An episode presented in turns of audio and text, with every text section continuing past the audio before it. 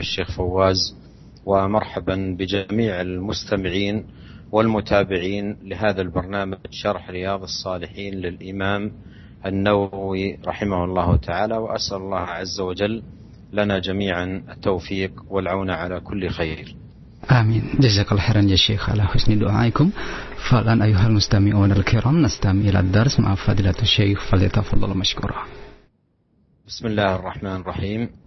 الحمد لله رب العالمين وأشهد أن لا إله إلا الله وحده لا شريك له وأشهد أن محمدا عبده ورسوله صلى الله وسلم عليه وعلى آله وأصحابه أجمعين. أما بعد عقد الإمام النووي رحمه الله تعالى في كتابه رياض الصالحين بابا بعنوان بر أصدقاء الأب والأم. والأقارب والزوجة وسائر من يندب إكرامه. هذه الترجمة عقدها أيها الإخوة الكرام بعد أن عقد بابا ببر الوالدين وصلة الأرحام ثم بابا في التحذير من العقوق والقطيعة ثم عقد هذه الترجمة في بر أصدقاء الأب والأم. والأقارب والزوجة وسائر من يندب إكرامه. وهو بهذا ينبه رحمه الله تعالى إلى أن من بر الوالد أن تبر أصدقاؤه ومن بر الوالدة أيضا أن يبر أصدقاؤها أو صديقاتها. وكذلكم فيما يتعلق بالخال أو العم أو الزوجة فهذه الترجمة عقدها رحمه الله تعالى لبيان هذه الخصلة العظيمة التي قد يغفل كثير من الناس عن الدراية بأنها من أبواب البر التي ينبغي أن يكون عليها المسلم. بدأ أولا بحديث ابن عمر رضي الله عنهما أن النبي صلى الله عليه وسلم قال إن أبر البر أن يصل الرجل ود أبيه. إن أبر البر أن يصل الرجل ود أبيه. ومعنى أبر البر أي أكمله وأعظمه. وود الأب أي من يحبه الأب ومن بينه وبينه صداقة ومودة ومحبة. فبين نبينا عليه الصلاة والسلام في هذا الحديث أن صلة أصدقاء الأب ومحبيه ورفقائه يعد من بر الأب وينبغي أن يعلم أيها الإخوة الكرام أن هذا الباب من أبواب البر بالأب ببر أصدقائه هو نوع من البر متاح للعبد في حياة والده أو بعد وفاته. لأن صلة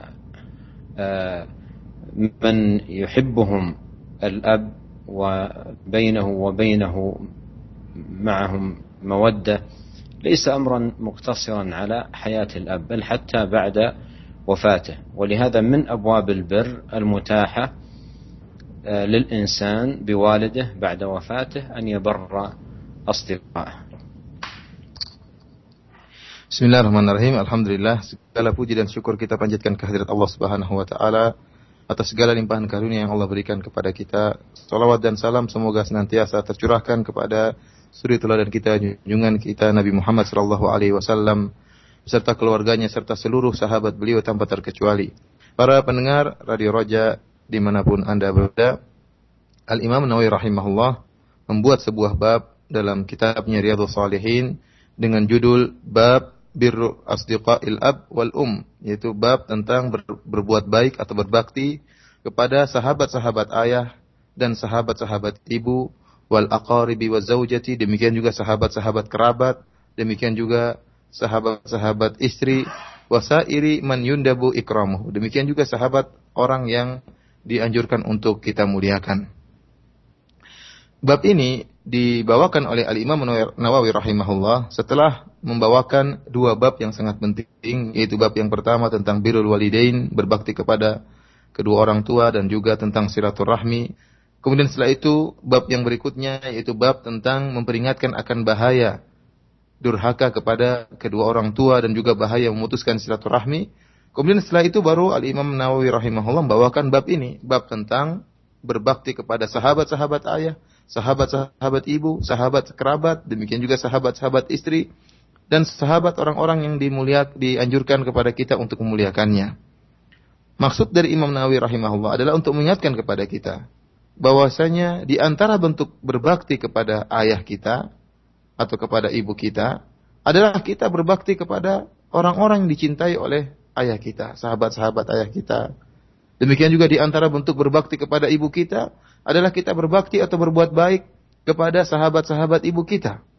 Demikian juga barang siapa yang berbakti kepada bibinya, kepada pamannya, hendaknya dia berbuat baik kepada sahabat-sahabat bibinya, sahabat-sahabat pamannya. Demikian juga terhadap sahabat-sahabat istrinya jika seorang ingin berbuat baik kepada istrinya, dia bisa berbuat baik kepada sahabat-sahabat istrinya. Inilah Al-Imam Nawawi rahimahullah membuat bab ini untuk menjelaskan akan akhlak yang sangat mulia ini. Ya, karena banyak orang yang melalaikan hal ini. Mereka lupa bahwasanya di antara bentuk berbakti kepada ayah adalah berbakti kepada sahabat-sahabat ayah. Ini merupakan akhlak atau perangai yang harusnya dimiliki oleh seorang muslim. Para pendengar yang dirahmati oleh Allah Subhanahu wa taala, para pemirsa TV Raja yang dirahmati oleh Allah Subhanahu wa taala, Al-Imam Nawawi rahimahullah membawakan hadis yang pertama dari sahabat Ibnu Umar radhiyallahu taala anhuma bahwasanya Nabi Shallallahu alaihi wasallam bersabda, Inna abarral bir an yasila rajulu wudda abihi. Sungguhnya di antara bentuk berbakti yang terbaik yaitu orang menyambung ya atau berbuat baik kepada sahabat ayahnya. Berbuat baik kepada orang yang dicintai oleh ayahnya. Jadi yang dimaksud dengan oleh Nabi Shallallahu Alaihi Wasallam dengan sabdanya wudda abihi, yaitu orang yang dicintai oleh sahabatnya, uh, orang yang dicintai oleh ayahnya bisa jadi sahabat ayahnya, yaitu ada hubungan saling mencintai antara orang tersebut dengan ayahnya, hubungan persahabatan. Ya, Nabi Shallallahu Alaihi menjelaskan bahwasanya e, berbuat baik kepada sahabat-sahabat ayah, teman-temannya, teman dekatnya, termasuk dalam berbuat baik atau berbakti kepada ayah kita sendiri. Ya. Oleh karenanya bab ini yaitu bentuk berbakti kepada sahabat-sahabat ayah itu terbuka bagi seorang hamba selama tatkala ayah sang ayah masih hidup ataupun setelah ayah meninggal dunia. Yang penting dia berbakti kepada sahabat-sahabat ayah. Ya. Jadi tidak hanya cukup kita berbuat baik kepada sahabat-sahabat ayah kita tatkala ayah kita masih meninggal. Bahkan setelah ayah kita meninggal dunia dan sahabat-sahabatnya masih hidup, maka kita bisa berbakti kepada ayah kita dengan berbakti kepada sahabat-sahabat uh, ayah kita. ثم أورد رحمه الله تعالى حديثا عن ابن عمر رضي الله عنهما.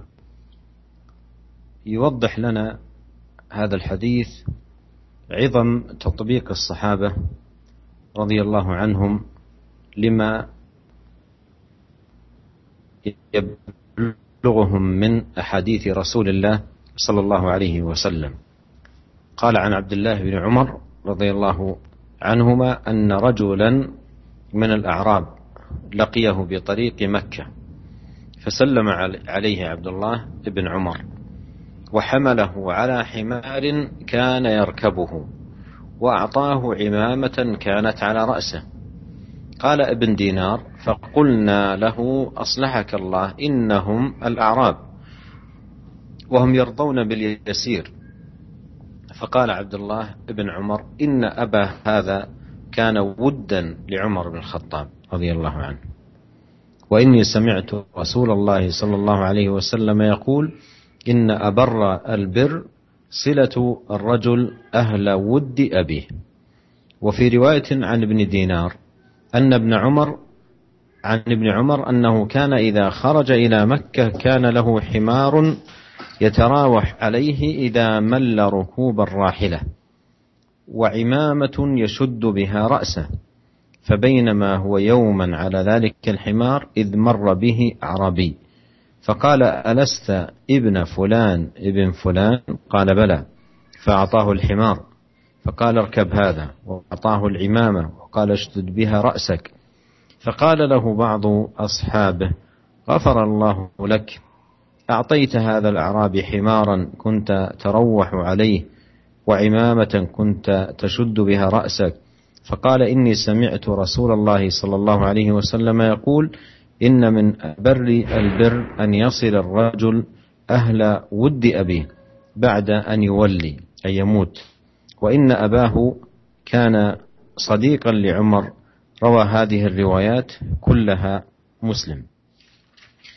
هذا الحديث يبين لنا أيها الإخوة الكرام كما قدمت آه، عظم عناية الصحابة رضي الله عنهم بتطبيق ما يبلغهم عن رسول الله صلى الله عليه وسلم. فها هو عمر آثر هذا الأعرابي بحماره وعمامته مع حاجته آه، رضي الله عنهما إليهما لا لشيء إلا لأن هذا الرجل من أهل ود أبيه. فعمل بهذه السنة العظيمة والهدي المبارك ووصل هذا الرجل بما أعطاه من حمار وعمامة لكونه من أهل ود أبيه. فهذا مما يبين لنا حال الصحابة رضي الله عنهم آه، آه، من حيث عنايتهم بتطبيق ما جاء عن رسول الله صلى الله عليه وسلم وسرعة امتثالهم ومسارعتهم في أبواب الخير والبر والصلة والفضيلة Para pendengar yang dirahmati oleh Allah Subhanahu wa taala, kemudian Al Imam Nawawi rahimahullah membawakan uh, hadis berikutnya yang juga dari Abdullah bin Umar yang menjelaskan tentang bagaimana uh, semangatnya para sahabat atau pengagungan sahabat terhadap hadis-hadis yang sampai kepada mereka dari Nabi Shallallahu Alaihi Wasallam. Perhatikanlah para pemirsa sekalian, para pendengar radio Raja yang dirahmati oleh Allah Subhanahu Wa Taala. Dari Abdullah bin Dinar dari Abdullah bin Umar radhiyallahu taala anhuma bahwasanya ada seorang lelaki dari Al-A'rab, itu dari Arab Badui. Laqiyahu bi tariqi Makkah. Suatu saat orang Arab Badui itu bertemu dengan Ibnu Umar di jalan menuju Mekah. Lalu Ibnu Umar pun memberi salam kepadanya. Kemudian Ibnu Umar radhiyallahu taala anhu menaikkan orang Arab Badui ini di atas himarnya. Yang tadinya Ibnu Umar naik himar, naik uh, keledai, ya, kemudian Ibnu Umar mengangkat mempersilahkan orang Arab Badui tadi untuk menaik tunggangannya, himarnya. Wa atahu imamatan kanat ala ra'sihi. Bahkan sorban yang tadinya dia pakai untuk mengikat kepalanya, dia lepaskan dan dia serahkan dan diberikan, dia hadiahkan kepada orang Arab Badui tadi. Maka Ibnu Dinar ya berkata yang berjalan bersama Ibnu Umar, kami pun berkata kepada Ibnu Umar, "Aslahakallah." Semoga Allah meluruskan wahai Ibnu Umar. Innahumul a'rabu wa hum yardawna bil yasir. Mereka itu orang-orang Arab, Arab Badui. Orang-orang Arab Badui, ya, dikasih sedikit sudah senang, ya tidak perlu dikasih himar, kasih imamah terlalu banyak. Kata kata Abdullah bin Dinar, ya, wa hum yardawna bil yasir. Mereka orang Arab Badui, ya, sudah senang kalau dikasih sedikit. Maka apa kata Abdullah bin Umar? Inna Aba hadza kana wuddan li Umar bin Khattab. Sungguhnya ayah orang Arab Badui ini dulu temannya atau sahabatnya Umar bin Khattab, sahabat ayah saya. Orang yang dicintai oleh ayah saya. Wa inni sami'tu Rasulullah sallallahu alaihi wasallam yaqul dan saya mendengar Rasulullah sallallahu alaihi wasallam pernah bersabda, "Inna abarral bir silatur rajuli ahla wuddi abihi." Di antara bentuk berbakti yang paling sempurna yaitu seorang menyambung silah hubungan dengan keluarga sahabat ayahnya, keluarga orang yang dicintai oleh ayahnya. Dalam riwayat yang lain dari Abdullah bin Dinar juga dari Ibnu Umar, suatu saat Ibnu Umar radhiyallahu taala anhu dalam riwayat yang lain, Ibnu Umar berjalan menuju Mekah. Ya, sedang berjalan bersafar menuju Mekah dan beliau menaik menaiki menunggangi seekor himar ya tarawah alaihi yaitu Ibnu Umar ya kalau biasa biasanya naik onta sesekali dia ingin uh, ganti ganti suasana dengan naik dengan naik himar tidak malla rukubar rahila. Jika Ibnu Umar sudah bosan naik uh, onta sekali dia naik himar. Dan dia memakai sorban di kepalanya. Sehingga suatu saat tatkala dia sedang menaiki himar tersebut, tiba-tiba ada seorang Arab Badui melewatinya. Maka Ibnu Umar bertanya kepada orang Arab Badui tadi, tiba-tiba tanpa sengaja ada orang Arab Badui lewat di depan Ibnu Umar. Yang Ibnu Umar sedang naik onta. Ibnu Umar bertanya kepada dia, Alastabna fulan bin fulan, bukankah kau anaknya si fulan bin fulan? Arab Badui ini mengatakan, bala benar. Fa'atahul himar. Maka Ibnu Umar pun memberikan keledai yang tadi dia naiki dikasihkan kepada orang Arab Badui tadi. Kemudian Ibnu Umar mengatakan, naik tungganganku ini. Kemudian Ibnu Umar memberikan sorban yang tadi dia pakai, dia berikan kepada orang Arab Badui tadi. Dia mengatakan, usjud biha ra'sak, ikatkan kepalamu. Maka sebagian sahabat Ibnu Umar yang berjalan bersama Ibnu Umar berkata, Ghafarallahu laka, semoga Allah mengampuni engkau wahai Ibnu Umar. Kenapa engkau berikan kepada orang Arab Badui ini seekor himar yang biasanya engkau naiki kalau engkau sudah bosan naik onta atau sesekali engkau rileks naik uh, himar tersebut. Ini. Kemudian engkau berikan kepada dia juga sorban yang engkau gunakan untuk mengikatkan kepalamu. Apa kata Ibnu Umar? Sungguhnya aku mendengar Rasulullah SAW bersabda, Inna min abarril bir, sungguhnya termasuk bentuk berbakti yang paling sempurna, ayyasila rajul ahla wuddi abihi ba'da an yuwalli. Yaitu seorang menyambung silaturahmi dengan keluarga sahabat ayahnya, keluarga orang yang dicintai oleh ayahnya setelah ayahnya meninggal dunia. Dan ternyata, kata Ibnu Umar, inna abahu, ayah dari orang Arab Badui ini, karena sodikon di Umar. Dia adalah sahabat ayah saya Umar bin Khattab. Hadis ini diriwayatkan juga oleh seluruhnya oleh Al-Imam Muslim dalam uh, sahihnya. Para pendengar yang dirahmati oleh Allah Subhanahu wa taala, riwayat ini menjelaskan tentang bagaimana pengagungan dan perhatian para sahabat tentang hadis-hadis Nabi Shallallahu alaihi wasallam. Bagaimana mereka berusaha mengerjakan apa yang sampai kepada mereka dari sabda-sabda Nabi Shallallahu Alaihi Wasallam. Lihatlah Ibnu Umar radhiyallahu anhuma. Dia memberikan himarnya dan memberikan imamahnya sorban yang dia gunakan yang dia pakai dia berikan kepada orang Arab Badui ini. Bukan karena sesuatu dia tidak ada yang dia harapkan Ibnu Umar. Dia hanya menyerap mengharapkan pahala dari Allah Subhanahu wa taala. Bukan karena apa-apa, tetapi karena ternyata ayah orang ini dulu sahabatnya Umar bin Khattab radhiyallahu taala. Lihat, Ibnu Umar tidak hanya berbuat baik kepada ya kepada sahabat ayahnya bahkan kepada anak dari sahabat ayahnya ya. Karena Nabi Shallallahu Alaihi Wasallam telah menjelaskan bahwasanya di antara bentuk berbakti kepada ayah adalah berbuat baik kepada keluarga dari sahabat ayah. Demikianlah bagaimana perhatian para sahabat ya dan bagaimana pengagungan mereka terhadap hadis-hadis Nabi Shallallahu Alaihi Wasallam ya. Demikian juga dalam bentuk-bentuk kebaikan yang lainnya. ثم أورد رحمه الله تعالى حديث أبي أسيد بضم الهمزة وفتح السين مالك بن ربيعة الساعدي رضي الله عنه. قال بين نحن جلوس عند رسول الله صلى الله عليه وسلم إذ جاءه رجل من بني سلمة فقال يا رسول الله هل بقي من بر أبوي شيء أبرهما به بعد موتهما فقال نعم. الصلاة عليهما والاستغفار لهما وإنفاذ عهدهما من بعدهما وصلة الرحم التي لا توصل إلا بهما وإكرام صديقهما رواه أبو داود. هذا الحديث حديث أبي أسيد رضي الله عنه جمع فيه أبواب من البر تكون للأبوين بعد الممات. مما يفيد أن بر الأبوين لا ينقطع بموتهما بل ثمة أبواب من البر لهما بعد الممات. وهذا الحديث جمع فيه آه، قدر من هذه الأعمال التي هي من بر الأبوين بعد الممات. العمل الأول الصلاة عليهما. الصلاة عليهما أي بأن يكثر من الدعاء للوالدين. بالرحمة والمغفرة ودخول الجنة والنجاة من النار ونحو ذلك.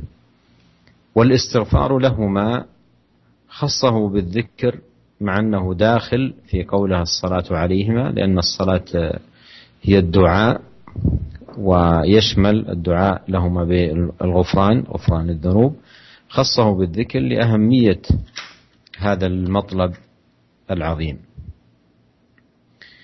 وإنفاذ عهدهما من بعدهما إن كان للأبوين من وصية أو نحو ذلك فإن فإنه يعمل جاهدا على إنفاذ وصية أبويه كذلكم صلة الرحم التي لا توصل إلا بهما. صلة الرحم التي لا توصل إلا بهما أي ليس لك صلة بها إلا من طريقهما.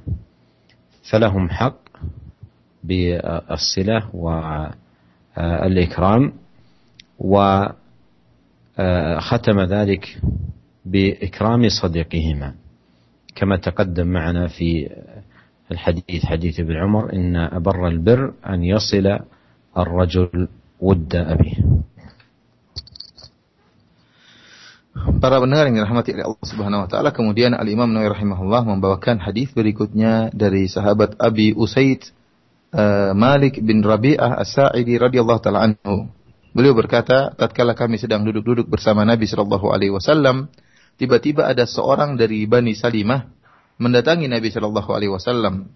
Kemudian dia berkata, "Wahai Rasulullah, apakah masih tersisa untuk berbakti kepada kedua orang tua, sesuatu pun, ya, sesuatu bentuk berbakti kepada kedua orang tua yang bisa saya lakukan setelah meninggalnya kedua orang tuaku, masih ada tersisa amalan yang bisa saya lakukan untuk berbakti kepada kedua orang tuaku setelah mereka meninggal dunia, maka Nabi SAW berkata, Naam, iya. As-salatu alaihima. Mendoakan mereka berdua. Wal istighfaru lahuma. Dan mendoakan agar Allah mengampuni keduanya. Wa infadhu ahdihima min ba'dihima dan melaksanakan janji atau wasiat mereka berdua setelah mereka berdua meninggal dunia. Wasilatul rahim allati la tusalu illa bihima dan menyambung silaturahim yaitu menyambung kekerabatan yang tidak bisa tersambung kecuali melalui mereka berdua. Wa ikramu sadiqihima dan memuliakan sahabat keduanya.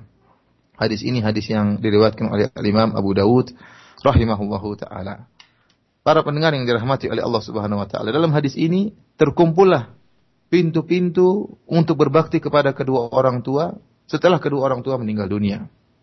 Sehingga hadis ini menjelaskan kepada kita bahwasanya berbakti kepada kedua orang tua tidaklah terputus setelah meninggal mereka.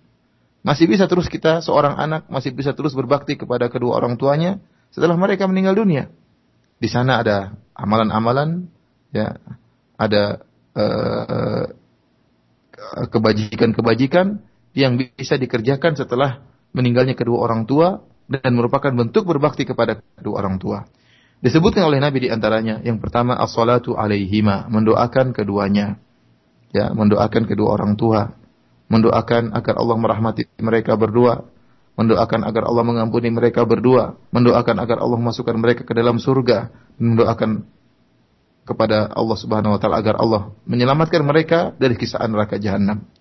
Yang kedua kata Nabi wasallam al-istighfaru lahuma, mendoakan ampunan bagi mereka. Kita tahu bahwasanya al-istighfar mendoakan ampunan termasuk dari jenis doa karena Nabi wasallam mengatakan yang pertama as-salatu alaihima itu mendoakan keduanya di antara bentuk doa adalah istighfar akan tapi Nabi sallallahu alaihi wasallam mengkhususkan penyebutan istighfar karena ini merupakan perkara yang sangat penting ya.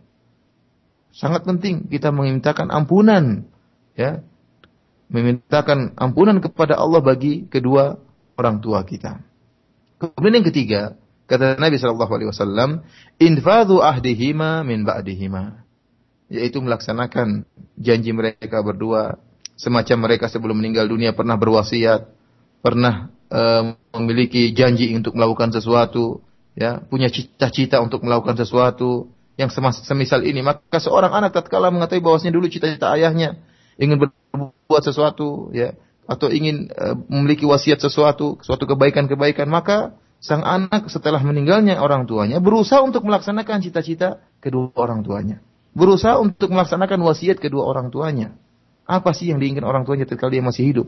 Dia berusaha untuk menunaikan janji kedua orang tuanya. Ini merupakan salah satu bentuk berbakti kepada kedua orang tua setelah meninggal mereka. Kemudian yang keempat, yaitu menyambung kekerabatan yang tidak mungkin disambung kerabatan tersebut kecuali melalui jalan kedua orang tua tersebut. Artinya di sana ada kerabat-kerabat ayah, kerabat-kerabat ibu, ya. Setelah ayah dan ibu kita meninggal, maka kita berusaha menyambung kerabatan dengan mereka. Ini juga merupakan bentuk berbakti kepada orang tua setelah kedua orang tua meninggal dunia.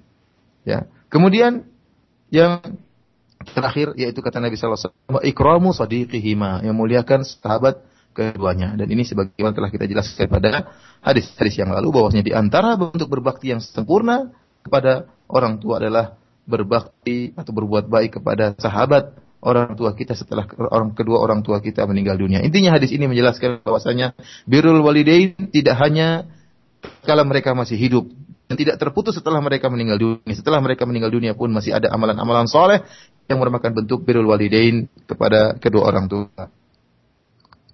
والحديث تكلم بعض أهل العلم فيه من حيث الإسناد والثبوت لكن المعاني المقررة في الحديث كلها حق ولها شواهدها ودلائلها في الكتاب والسنة Dari sisi sanad hadis ini diperbincangkan oleh sebagian ulama Artinya sebagian ulama melemahkan hadis ini. Akan tapi kalau kita memperhatikan matan atau makna dari kandungan hadis ini, maka semuanya benar ya.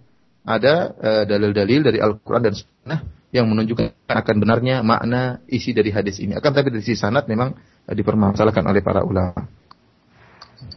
ثم أورد حديث أم المؤمنين عائشة رضي الله عنها قالت ما غرت على احد من نساء النبي صلى الله عليه وسلم ما غرت على خديجه رضي الله عنها وما رايتها قط ولكن كان النبي صلى الله عليه وسلم يكثر ذكرها وربما ذبح الشاة ثم يقطعها أعضاء ثم يبعثها في صدائق خديجة.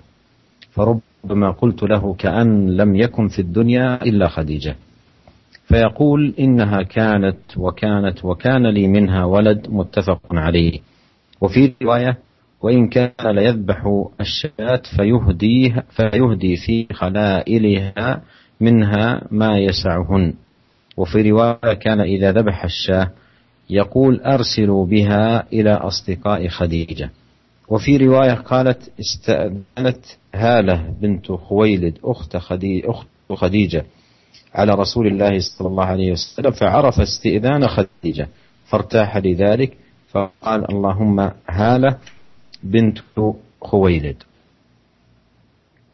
آه، قولها فارتاح هو بالحاء وفي الجمع بين الصحيحين للحميدي فارتاع بالعين ومعناه اهتم به. آه هذا الحديث هو كما تقدم أيها الإخوة الكرام في آه، بر الأقرباء لأن الترجمة تتناول أصدقاء الأب والأم والأقارب والزوجة.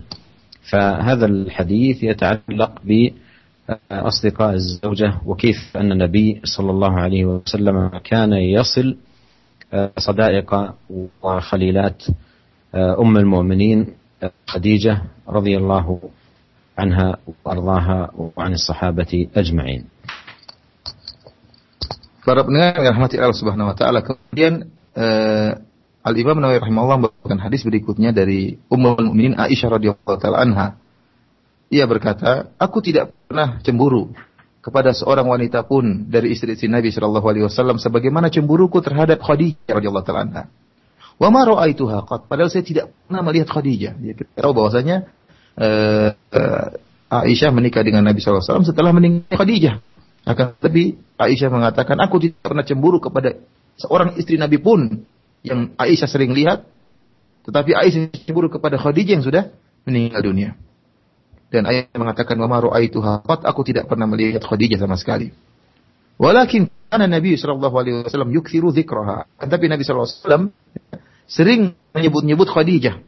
Bahkan terkadang Nabi Shallallahu Alaihi Wasallam menyembelih seekor kambing, kemudian dipotong-potong kambing tersebut, kemudian dibagi-bagikan kepada sahabat-sahabat Khadijah.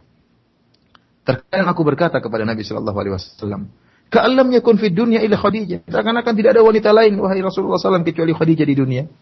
Ya.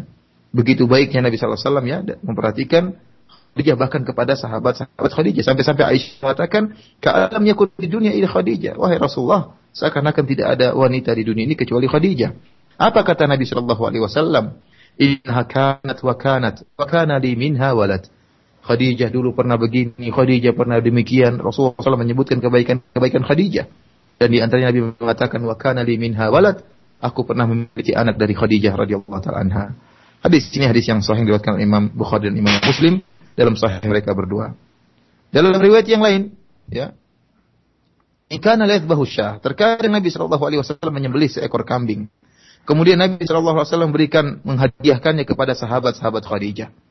Minha ma yasauhunna, yaitu yang mencukupi sahabat-sahabat Khadijah. Nabi wasallam menyembelih kambing hanya untuk diberikan kepada sahabat-sahabat Khadijah. Dalam riwayat yang lain, ya, Nabi SAW pernah menyembelih seekor kambing dan berkata, Arsilu biha ila asdiqai Khadijah. Kirimkanlah ya kambing-kambing ini kepada sahabat-sahabat Khadijah. Dalam riwayat yang lain, Ista'zanat Halatu bintu Khuwailid. Ada uh, saudari perempuan Khadijah yang bernama Halah minta izin kepada Nabi Shallallahu Alaihi Wasallam untuk menemui Nabi Shallallahu Alaihi Wasallam. Maka Nabi Shallallahu Alaihi Wasallam mengingat tentang izinnya Khadijah. Ya. Mungkin karena suaranya mirip antara Khadijah dengan Halah. Fatahal bidzalika faqala Allahumma halatu bintu Khuwailid. Maka Nabi sallallahu alaihi wasallam pun tenang tatkala mendengar uh, minta izinnya Halah kemudian Rasulullah SAW berkata ya Allah berilah kebaikan kepada Halah bintu Khuwailid. Dalam riwayat yang lain disebutkan farta'a yang artinya Nabi SAW pun memperhatikan ya Halah bintu Khuwailid. Kenapa? Karena Halah bintu Khuwailid adalah ya saudari perempuan dari Khadijah istrinya, istri Nabi Shallallahu alaihi wasallam. Para pendengar yang dirahmati oleh Allah Subhanahu wa taala, hadis ini sebagaimana telah kita jelaskan lalu bahwasanya hadis ini termasuk bentuk dari berbakti kepada kerabat setelah meninggal dunia. Terjemah atau uh, bab yang dibuat oleh Al Imam rahimahullah mencakup hal ini karena Imam Nawawi menyebutkan bahwasanya di antara bentuk berbakti kepada seorang adalah berbakti kepada sahabatnya. Termasuk berbakti kepada kerabat, yaitu berbakti kepada sahabat ayah, sahabat ibu, sahabat kerabat, dan juga sahabat uh, istri, ya. Sebagaimana dipraktikkan oleh Nabi Shallallahu Alaihi Wasallam. Nabi Shallallahu Alaihi Wasallam berbuat baik kepada sahabat-sahabat Khadijah setelah Khadijah meninggal dunia radhiyallahu taala anha. ثم ختم رحمه الله تعالى هذه الترجمة بحديث أنس بن مالك رضي الله عنه قال خرجت مع جرير بن عبد الله البجلي رضي الله عنه في سفر فكان يخدمني فقلت له لا تفعل فقال إني قد رأيت الأنصار تصنع برسول الله صلى الله عليه وسلم شيئا أليت على نفسي ألا أصحب أحدا منهم إلا خدمته. متفق عليه. ومعنى قوله آه، رضي الله عنه آليت على نفسي أي أقسمت وحلفت على نفسي آه، أنني إن صحبت أحدا منهم أي الأنصار إلا خدمته. وهذا فيه كمال خلق أصحاب النبي عليه الصلاة والسلام.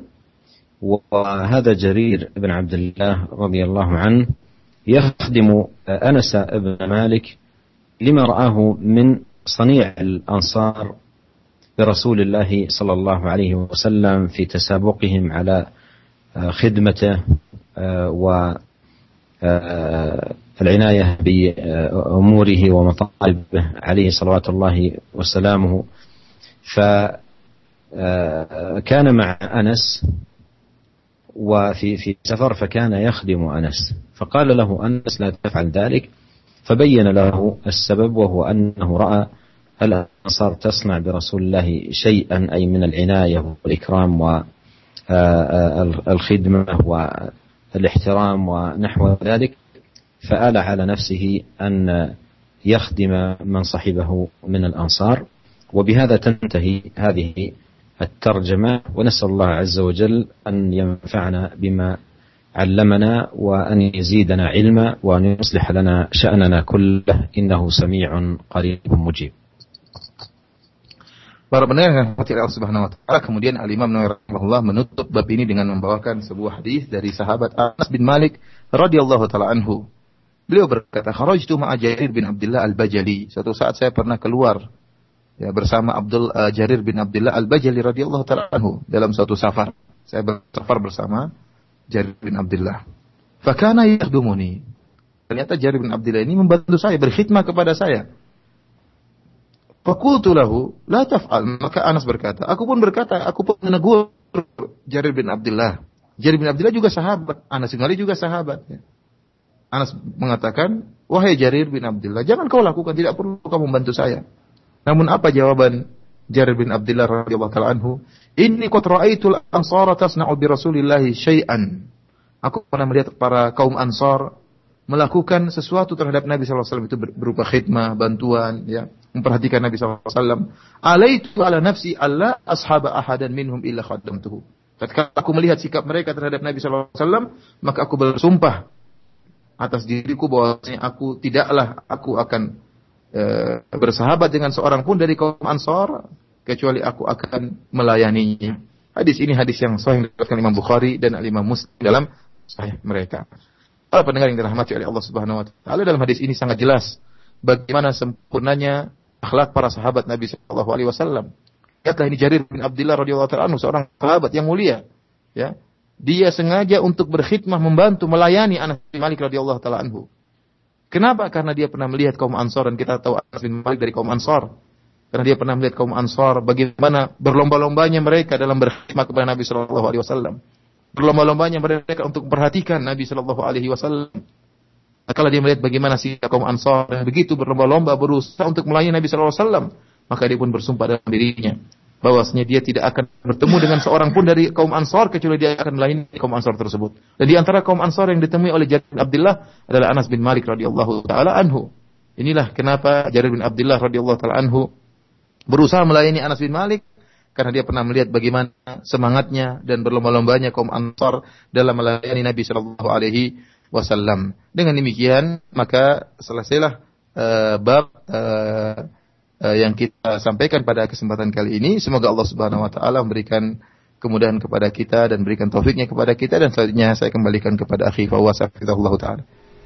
Jazakallah khairan kami sampaikan pada Fadratul Syekh dan Al-Ustaz Firanda yang telah menerjemahkan dars di sore hari ini dari bab ke-42 keutamaan berbuat baik kepada teman-teman kedua orang tua kita dan juga kaum kerabat, istri dan orang-orang yang pantas dihormati.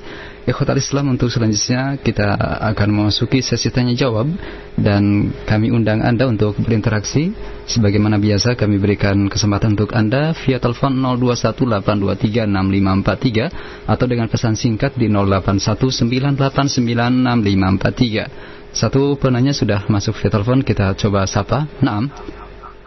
Assalamualaikum warahmatullahi wabarakatuh. Syekh. Waalaikumsalam warahmatullahi wabarakatuh. Mohon maaf, dengan siapa dari mana Bapak? Eh, Pak Amin dari Jonggol. Ya, silakan Pak Amin. Ya, Ana mau nanya um, apa jadi di luar tema. Jadi maksud Ana mau minta bantuan sedikit buat eh, eh, musab masang keramik sedikit gitu. Minta bantuan, sepakatlah. Ana mau kopi hmm, gitu. Kalau Bapak Lalu, bisa bisa diulangi tidak begitu eh, bisa saya terima pertanyaannya? Apa ya? Eh, Ana mau minta bantuan karena sekitar anak gitu di kampung. Jadi eh, um, pakai untuk menyambung kata-kata minta bantuan gitu, pakai doa hasil fotokopi dari majalah gitu. Gimana hukumnya tuh? Jazakallah khairul kasih. Wassalamualaikum warahmatullahi wabarakatuh. Waalaikumsalam warahmatullahi wabarakatuh. Terima kasih Pak Amin. Ya bisa disimak Ustaz. Saya, saya kurang paham. Iya, uh, yang bisa saya pahami bahwasanya beliau meminta uh, bantuan bagaimanakah hukum dengan uh, apabila kita berkeinginan memberikan uh, fotokopi dari zikir-zikir uh, yang uh, disyariatkan yang beliau kopi dari uh, sebuah majalah dan dibagikan kepada uh, musola atau uh, masjid terdekat. Apakah hal ini diperbolehkan?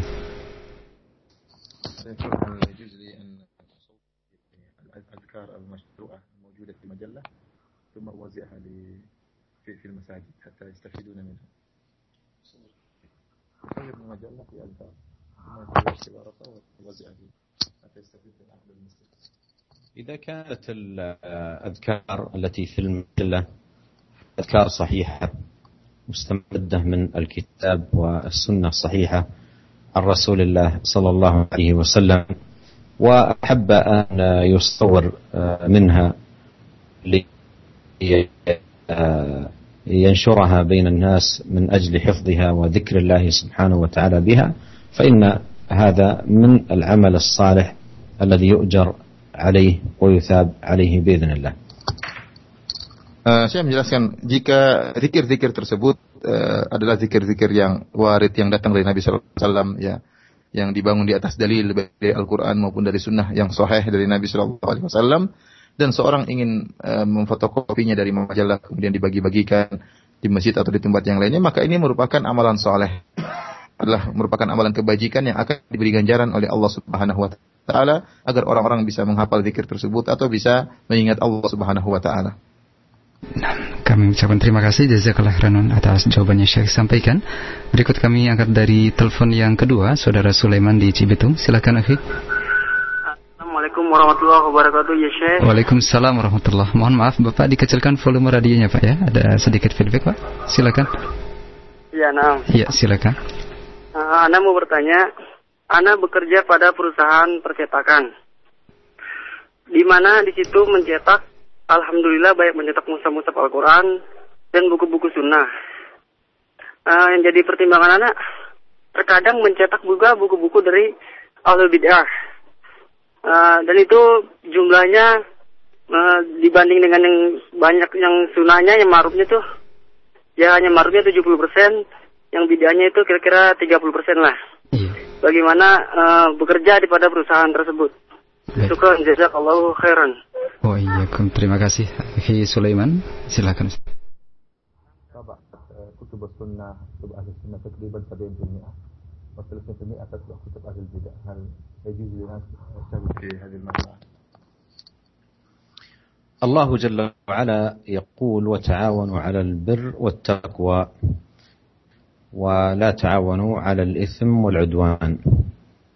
والكتب التي تحتوي على البدع والخرافات هي ضرر على الناس في عقائدهم وأديانهم وعباداتهم. فلا ينبغي للإنسان أن يكون متعاونا على نشر ذلك. وعليك أن تناصح صاحب المطبعة أن يكون ما ينشره فيها ما كان سنة عن رسول الله صلى الله عليه وسلم وهديا صحيحا أما الأعمال والأقوال والأمور التي ليست على هدي النبي صلى الله عليه وسلم فلا يجوز نشرها ولا التعاون مع من ينشرها بأي طريقة. Allah Subhanahu wa taala uh, telah mengatakan dalam Al-Qur'an bahwasanya la ta'awanu al ismi wal udwan. Maksudnya janganlah kalian saling tolong menolong dalam dosa dan permusuhan. Oleh karenanya uh, yang diperintahkan oleh Allah Subhanahu wa taala adalah wa ta'awanu alal birri wa taqwa. Saling bekerja samalah kalian tolong menolong dalam berbuat kebajikan dan ketakwaan. Adapun buku-buku yang uh, di dalamnya terdapat bid'ah dan khurafat yang terkadang bisa merusak akidah masyarakat, maka tidak boleh disebarkan di masyarakat. Dan tidak boleh seorang ikut membantu penyebaran buku-buku tersebut. Karena bisa memberi kemudaratan kepada masyarakat apalagi kemudaratan yang berkaitan dengan akidah mereka. Ya, oleh karenanya wajib bagi akhi yang bertanya tadi untuk berusaha menasihati pemilik uh, percetakan tadi agar dia berusaha jadi ingatkan dengan baik dinasihati agar tidaklah dia berusaha mencetak kecuali buku-buku yang uh, di situ dalamnya terdapat sunnah Nabi Shallallahu Alaihi Wasallam amalan-amalan yang benar-benar datang dari Nabi Shallallahu Alaihi Wasallam adapun buku-buku yang mengandung perkataan-perkataan atau amalan-amalan yang tidak datang dari Nabi Shallallahu Alaihi Wasallam tetapi mengandung bid'ah dan khurafat ya yang bisa merusak akidah umat maka hendaknya dijauhi. Nah, jazakallah khairan atas jawaban Syekh. Di beri, uh, kesempatan berikutnya kami berikan uh, kesempatan dari pendengar via pesan singkat dari pendengar kita Um Usman di Pekalongan Jawa Tengah yang bertanya, Assalamualaikum warahmatullahi wabarakatuh ya Syekh. Bagaimanakah uh, hukumnya jika kerabat dari orang tua kita memiliki uh, akhlak yang buruk ya Syekh apakah kita tetap untuk mengunjunginya syukran jazakallah khair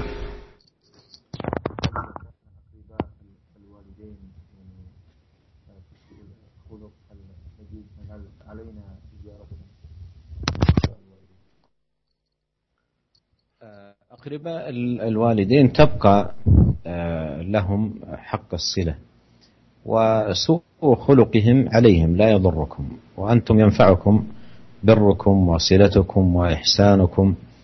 ولعل هذا الإحسان منكم إليهم يكون سببا في صلاحهم وهدايتهم.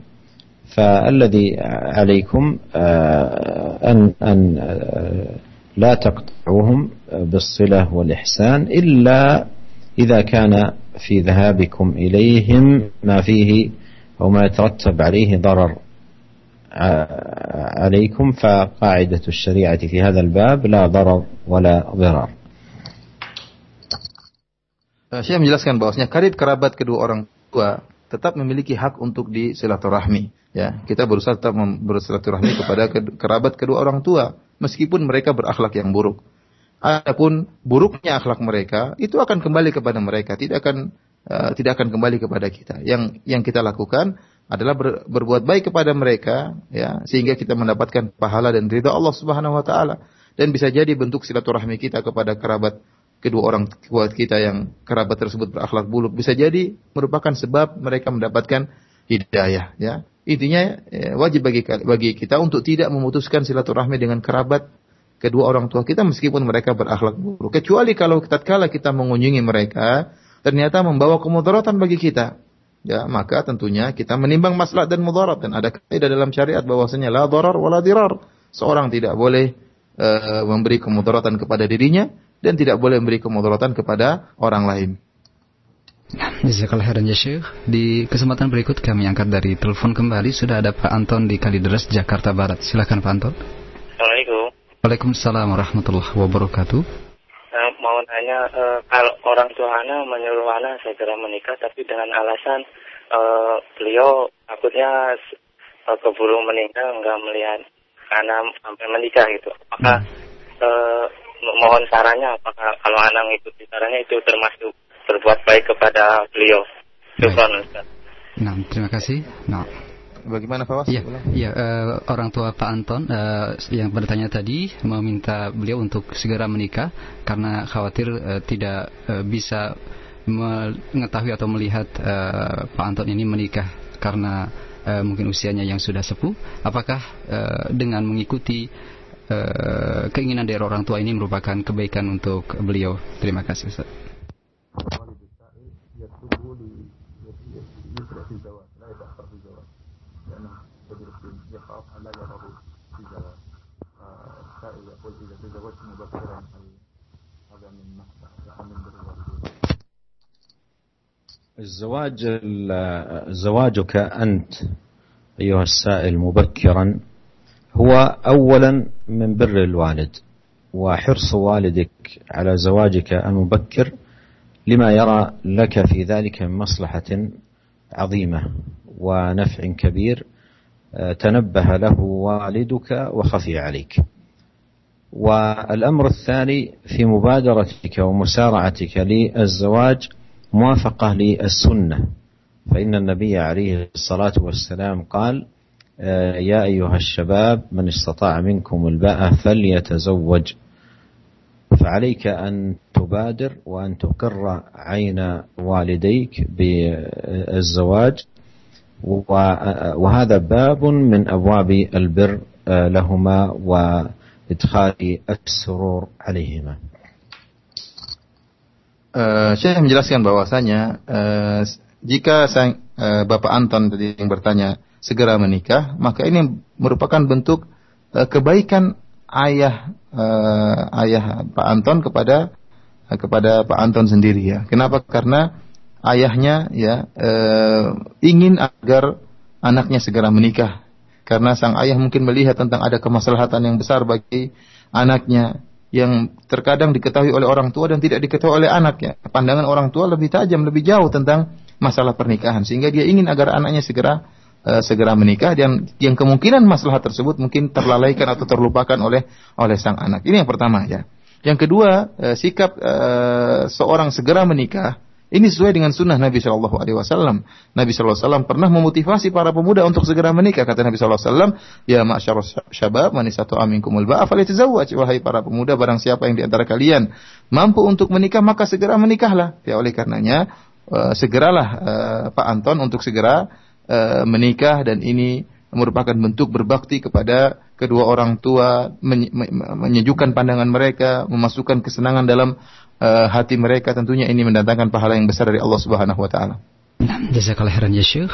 Satu pertanyaan kami angkat kembali dari pesan singkat dari uh, Ummu Zahra di Kalimantan Barat yang bertanya, Barakallahu fikum ya Syekh, bagaimanakah cara menyikapi orang tua yang masih kafir di mana saya sudah masuk Islam dan alhamdulillah sekarang ke uh, kakak saya juga uh, ingin memasuk ke dalam Islam.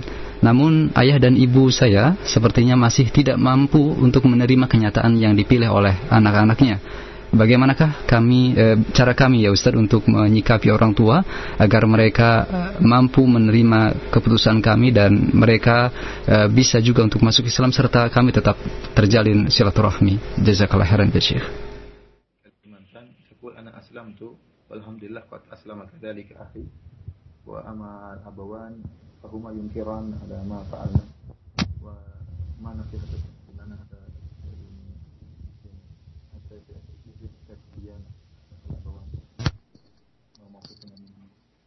أولا أسأل الله عز وجل أن يثبتكما على الإسلام وأن يوفقكما لمزيد من الطاعة والعبادة والعلم النافع.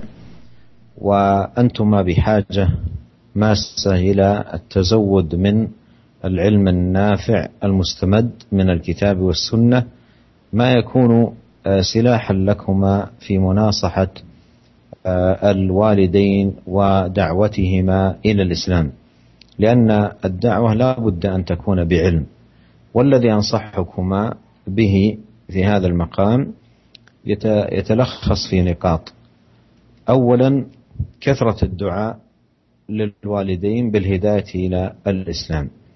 لا سيما في أوقات الإجابة في الثلث الأخير من الليل وفي السجود وفي الساعة الأخيرة من يوم الجمعة وبين الأذان والإقامة ونحو ذلك. والأمر الثاني العناية بخدمة الوالدين والمزيد في آه، البر والإحسان آه، إليهما.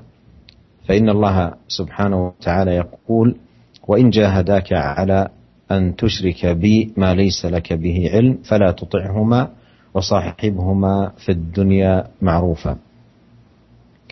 الأمر الثالث تخير الأوقات المناسبة في هدوء الوالدين وطيب آه، آه، نفسهما ليس في في في ساعة غضب أو انزعاج أو نحو ذلك لحديثهما أو تحديثهما عن الإسلام ومحاسنه ونحو ذلك. وأسأل الله عز وجل لأبويكما الهداية إلى الإسلام. Uh, pertama-tama Syekh berdoa kepada Allah Subhanahu wa taala. Semoga Allah Subhanahu wa taala mengkokohkan uh, ukhti yang bertanya dan juga saudara yang telah masuk Islam agar Allah Subhanahu wa taala mengkokohkan iman mereka dan menambah ketaatan mereka dan ibadah mereka serta agar mereka lebih uh, perhatian terhadap ilmu yang bermanfaat ya. Oleh karenanya mereka berdua ini sangat butuh untuk belajar dan belajar tentang ilmu yang benar yang eh, berasal dari Al-Quran dan Sunnah Nabi Shallallahu Alaihi Wasallam. Karena dengan ilmu merupakan alat atau senjata untuk dalam dalam berdakwah. Ya, karena dakwah itu butuh dengan ilmu. Ya, bagaimana menghadapi kedua orang tua, bagaimana mendakwahi orang tua yang masih kafir, itu butuh ilmu yang benar dan cara yang benar. Uh, adapun nasihat Syekh kepada mereka berdua maka terang, uh, terangkum dalam tiga poin. Yang pertama, yaitu hendaknya uh, keduanya uh, banyak-banyak berdoa kepada Allah Subhanahu wa taala agar Allah memberi hidayah kepada kedua orang tuanya terutama pada waktu-waktu yang mustajab dan tempat-tempat yang mustajab ya seperti sepertiga malam yang terakhir antara adzan dan iqamah tatkala waktu terakhir di hari Jumat ya waktu asar menjelang maghrib, maka ini waktu-waktu yang uh, di hari Jumat merupakan waktu yang mustajab, seorang hendaknya berdoa agar dikabulkan oleh Allah Subhanahu wa taala. Demikian juga tatkala sedang sholat, tatkala sujud, berdoa kepada Allah dengan uh, uh, apa permintaan yang amat kepada Allah Subhanahu wa taala agar Allah memberi hidayah kepada kedua orang tua mereka.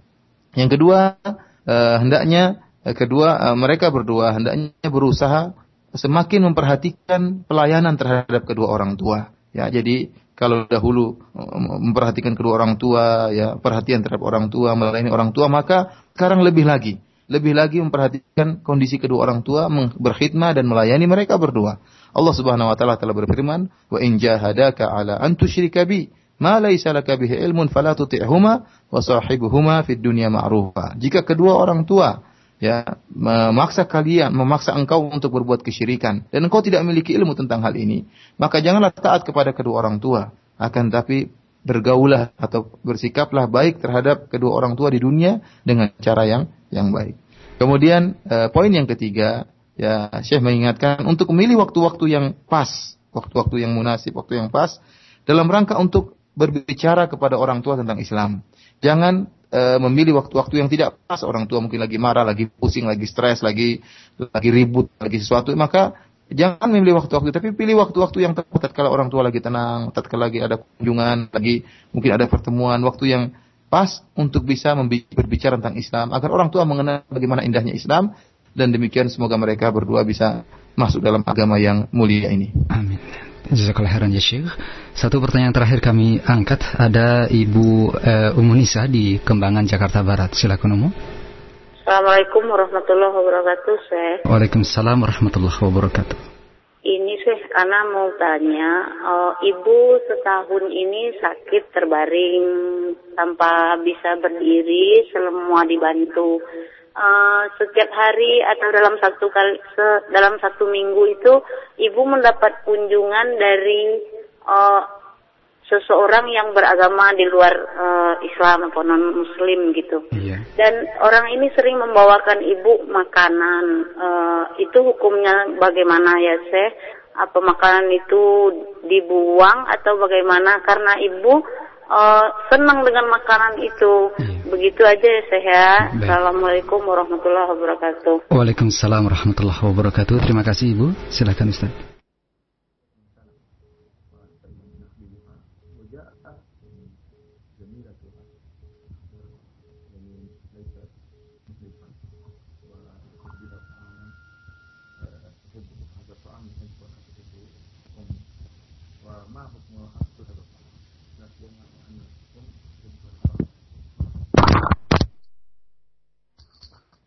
قبول الهدية من غير المسلم لا بأس بذلك ولا سيما إذا قصد بذلك تأليف قلبه ومبادرته الهدية ومن بعد ناصحته. على الله سبحانه وتعالى أن يهديه للإسلام. فلا بأس بقبول ذلك الطعام. والأكل منه أيضا لا بأس به إلا إذا كان فيه محذور شرعي. إذا كان الطعام فيه محظور شرعي فإنها حينئذ ليس لها قبول ولا أيضا الأكل منه. والله أعلم. ونسأل الله عز وجل أن يوفقنا أجمعين للعلم النافع والعمل الصالح إنه سميع قريب مجيب.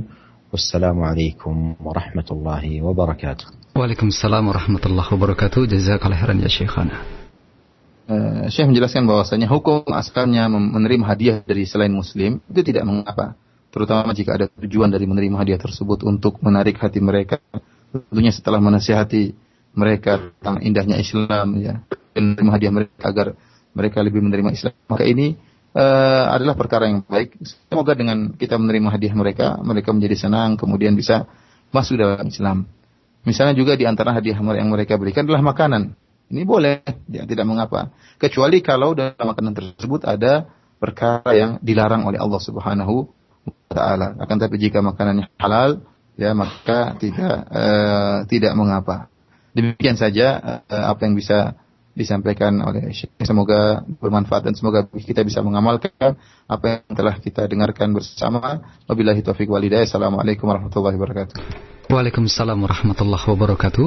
Terima kasih kepada Fadilatul Syekh Jazakallah khairan atas eh, materi yang telah disampaikan. Semoga Allah Subhanahu wa taala menganugerahkan kesehatan untuk Syekh beserta keluarga dan terima kasih juga untuk Al-Ustaz Firanda yang telah menerjemahkan dari kita di sore hari ini. Demikian saudaraku seiman seakidah kajian kita dari bab 42 dari pembahasan keutamaan berbuat baik kepada teman-teman kedua orang tua, juga kaum kerabat istri dan orang-orang yang pantas dihormati dari pembahasan syarah Riyadhus Salihin karya Imam An-Nawawi rahimahullahu taala. Semoga bermanfaat apa yang telah kita simak dan nantikan kelanjutan dari bab-bab selanjutnya syarah Riyadhus Salihin ini pada setiap hari Ahad dan untuk besok hari Senin insyaallah taala pada pukul 17 sampai dengan menjelang maghrib. Kami mohon maaf atas segala kekurangan kami dan kami uh, tutup dengan Assalamualaikum warahmatullahi wabarakatuh.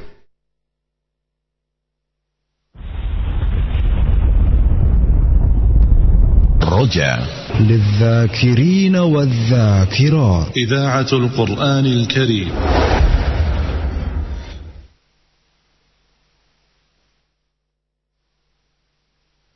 Ikhwatal Islam untuk selanjutnya kita simak dikumandangkannya azan untuk sholat maghrib bagi daerah Jakarta dan sekitarnya.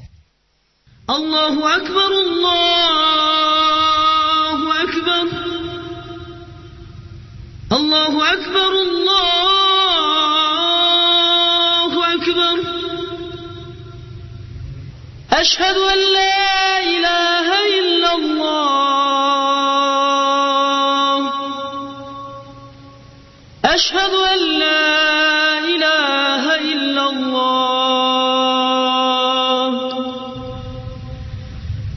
أشهد أن محمد رسول الله.